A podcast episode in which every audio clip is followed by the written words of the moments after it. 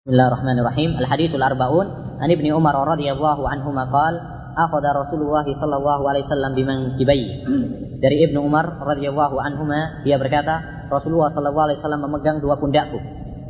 Jadi dipegang pundaknya siapa? Ibnu Umar oleh Nabi sallallahu alaihi wasallam. Apa? Agar Ibnu Umar perhatian dengan apa yang dikatakan oleh Nabi Muhammad sallallahu alaihi wasallam. Dari sini dapat kita ambil faedah bahwasanya seorang dai atau seorang ustadz hendaknya melakukan perbuatan atau perkataan yang bisa membuat para hadirin itu perhatian dengan ucapannya. Seperti yang dilakukan oleh atau seperti yang dilakukan oleh Rasulullah dalam hadis Ibnu Abbas dulu. Ya gulam. Itu adalah perkataan atau perbuatan seperti yang dilakukan oleh Nabi dalam hadis Ibnu Umar ini, memegang apa? pundaknya biar perhatian. Faqala Nabi SAW mengatakan kun fid dunya ka'annaka gharib aw abiru sabil. Jadilah engkau di dunia ini ka'annaka ghurib seakan-akan kamu adalah ghurib orang yang asing. Au abiru sabil atau orang yang apa melewati jalan. Dan ini wasiat Nabi Muhammad SAW kepada Ibnu Umar. Dan ini adalah wasiat yang bagus sekali ya ikhwani. Yaitu wasiat agar kita ingat terhadap tujuan hidup kita. Kampung asli kita yaitu akhirat. Adapun dunia ini adalah kampung kita untuk beramal yang hanya sementara. Ya. Rasulullah SAW Subhanahu wa taala berfirman mengisahkan perkataan seorang yang beriman dari keluarga Firaun, "Ya qaumi, innama hadhil hayatud dunya mata wa innal akhirata hiya darul qarar." Wahai kaumku, sesungguhnya kehidupan di dunia ini hanyalah perhiasan. Perhiasan yang sementara, fana, yang akan hancur. Wa innal akhirata lahiya darul qarar dan negeri akhirat adalah negeri yang kekal dan abadi. Demikian juga Nabi Muhammad SAW mewasiatkan dalam banyak hadisnya agar kita ingat terhadap akhirat dan tidak ya, lupa karena keindahan dunia ini. Nabi SAW memberikan perumpamaan yang bagus sekali. Innama masali mali walid dunya innama masali kamasali raqibin qala fi dhilli sajaratin summa raha wa tarakaha. Apa antara diriku dengan dunia. Sungguhnya perumpamaanku dengan perumpamaan dunia adalah seperti seorang yang bepergian, kemudian dia istirahat di naungan sebuah pohon, kemudian dia berlalu. Yakni kita di dunia ini hanyalah sementara, seakan-akan kita hanyalah istirahat sebentar, yang kemudian akan meneruskan perjalanan kita. Demikianlah perjalanan kita di dunia ini. Kita di dunia hanyalah sementara. Beberapa saat saja, tetapi yang kekal adalah di akhirat sana walal akhiratu khairu wa abqa. Sungguhnya akhirat adalah lebih bagus dan lebih kekal. Oleh karena itu, janganlah tertipu dengan dunia. Jadikanlah dunia ini hanyalah jembatan, ya, sarana untuk memperbanyak bekal di akhirat kelak. Ya, simaklah baik-baik wasiat Syekhul Islam Taimiyah dalam wasiat sughra. Dia mengatakan, jadikanlah duniamu seperti himar keledai yang kamu tumpangi tatkala kamu inginkan. Ada kebutuhan dan jadikanlah kebutuhanmu terhadap dunia seperti kamu membutuhkan ya, kamar mandi. Ya, kamu pergi ke sana hanya untuk buang hajat saja. Ya, apabila kita mengingat wasiat-wasiat Nabi Muhammad SAW dan wasiat Allah Subhanahu Wa Taala ini, maka kita akan apa? Ingat terhadap akhirat. Dan kita akan tidak tertipu dengan gemerlapnya dunia. Banyak manusia pada saat ini, ya, sebagaimana yang kita saksikan, mereka lupa terhadap akhiratnya. Mereka sibuk mencari dunia. Siang malam mereka bekerja untuk dunia. Mengejar harta. Menumpuk dunia. Melupakan akhiratnya. Oleh karena itu, kamu lihat. Seorang yang miskin papa. Mulai dari pagi sampai malam. Yang dia kejar adalah apa? Dunianya. Melupakan sholatnya. Melupakan kewajiban-kewajiban agamanya. Jadi hendaknya kita merasa cukup dengan apa yang telah Allah Subhanahu wa taala berikan kepada kita dari dunia dan menjadikannya sebagai bekal menuju akhirat. Bukan berarti kita kemudian meninggalkan dunia. Ini keliru. Bagaimana yang telah kita jelaskan dalam masalah zuhud dulu ya. Bukanlah zuhud adalah kita meninggalkan dunia. Tidak.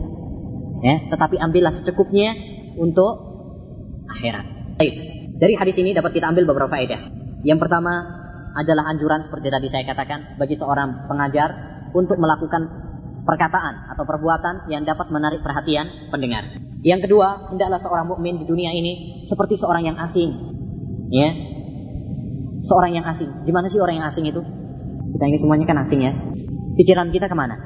Di, di sini ataukah di Indonesia? Nah, mesti kita pikiran kita akan pergi ke Indonesia. Eh, di sana kampung halaman kita. Demikian juga lah orang yang asing. Kita di dunia ini hendaknya pikiran kita adalah ke akhirat. Baik. Kemudian kata Nabi Shallallahu Alaihi Wasallam, "Awabiru sabi" atau seorang yang melewati jalan, bepergian. Iya. Kenapa? Karena seorang yang bepergian jalan, dia tidak memperbanyak dunia. Tahu orang kalau mau bepergian, apakah semua barangnya akan dia bawa semuanya? Ataukah secukupnya saja? Barang-barang yang penting, yang lain dikasihkan temannya, dikasihkan yang itu. Yang enggak kira-kira enggak penting. Betul apa tidak? Secukupnya. Barang-barang yang kira-kira dia penting itu yang dia bawa. Demikian juga. Hendaknya kita tidak terlalu sibuk untuk mengejar dunia. Secukupnya. Ya, secukupnya. Baik. Dari hadis ini juga dapat kita ambil faedah. Hendaknya kita untuk menjadikan akhirat ya, lebih banyak bagiannya daripada dunia. Seorang ya ikhwani, imma dia lebih condong kepada akhiratnya dan imma dia lebih condong kepada dunianya. Harus seperti timbangan. Baik, oleh karena itu jadikanlah akhiratmu lebih banyak daripada duniamu. Karena dunia ini hanyalah sementara saja. Hasan al-Basri pernah mengatakan, Innama anta ayyam, kullama madha yaumun, madha ba'du. Wahai manusia, kamu hanyalah hari. Semakin tambah hari, semakin berkurang umurmu. Ya, ya Imam Ibnu Katsir juga pernah mengatakan, Tamurru binal ayyamu tatra wa innama نساق إلى الآجار والأين تندر فلا عائد ذاك الشباب الذي مضى ولا زائل ذاك المسيب المكدر berhari-hari kita telah lewat ya, ajal kita telah menunggu tidak ada yang dapat mengembalikan masa muda seorang yang tua apakah masa muda bisa kembali lagi tidak bisa wala zailun hadzal masyibal mukaddara kadang seorang yang tua awet terkadang dan itu dapat kita saksikan anak muda lebih cepat matinya daripada yang tua. Kadang seorang yang sudah tua, ya umurnya sudah 10 tahun ke atas, tapi awet. Kadang. Sedangkan ada seorang yang masih muda, bahkan mungkin yang masih kecil, lebih dahulu, ya, dipanggil oleh Allah Subhanahu wa taala. Semua itu karena maut tidak ada yang mengetahuinya kecuali Allah Subhanahu wa taala. Yang keempat, faedah yang dapat kita ambil dari hadis ini, hendaklah manusia seorang hamba untuk introspeksi. Selalu introspeksi tentang dirinya, ya tentang amal perbuatannya, sehingga semakin hari semakin baik. Terutama sebelum tidur. Sebelum tidur, goreksilah amal-amal perbuatan apa saja hari ini yang telah kamu lakukan. Dan maksiat apa saja yang telah kamu lakukan sehingga kamu bertaubat dan istighfar kepada Allah Subhanahu wa taala. Ya, seperti seorang pedagang yang introspeksi terhadap catatan hariannya. Saya sekarang rugi atau apa? Untung. Demikianlah seorang hamba hendaknya dia mengoreksi. Hari ini saya untung atau rugi? Amal apa sajakah yang telah saya lakukan dari amal soleh sehingga besok dipertahankan atau mungkin malah ditambah? Dan kerugian apakah yang telah saya lakukan dari perbuatan maksiat yang besok harus saya kurangi dan saya tinggalkan? Kalau seorang hamba selalu introspeksi diri, insya Allah dia akan apa? Hidupnya akan istiqomah, akan baik. Yang kelima, dari wasiat Ibnu Umar إذا أمسيت فلا تنتظر الصباح وإذا أصبحت فلا تنتظر المساء وخذ من صحتك لمرضك ومن حياتك لموتك Apabila kamu darsa sore, maka janganlah menunggu waktu pagi. Apabila kamu pagi, janganlah menunggu masa sore.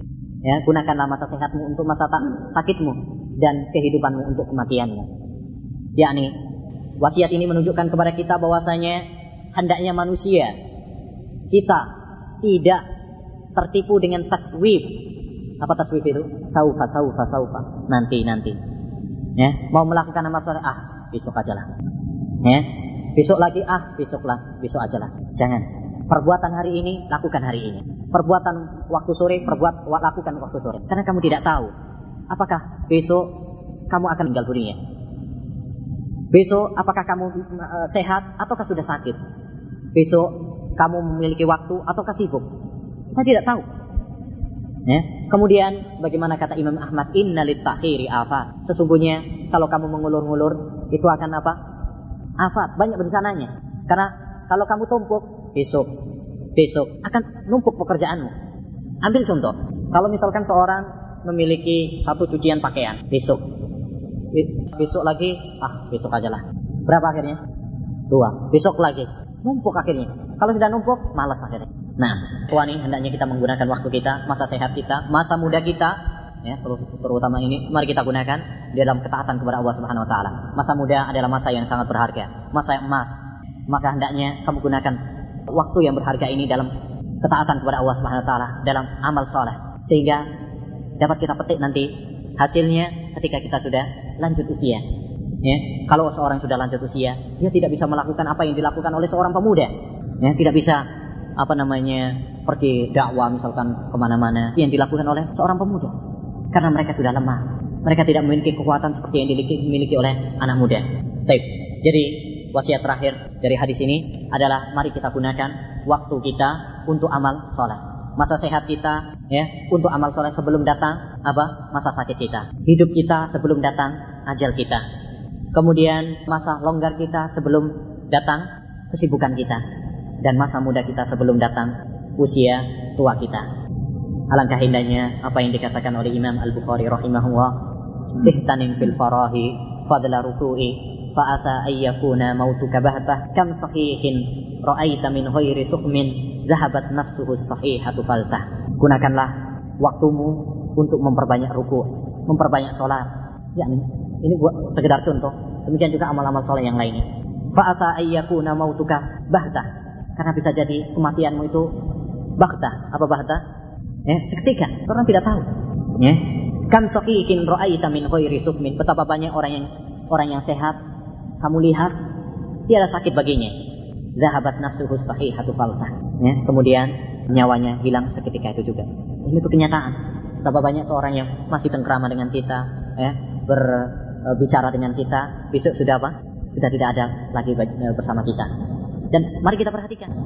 Wassalamualaikum warahmatullahi wabarakatuh. wa ala alihi wa sahbihi ajma'in.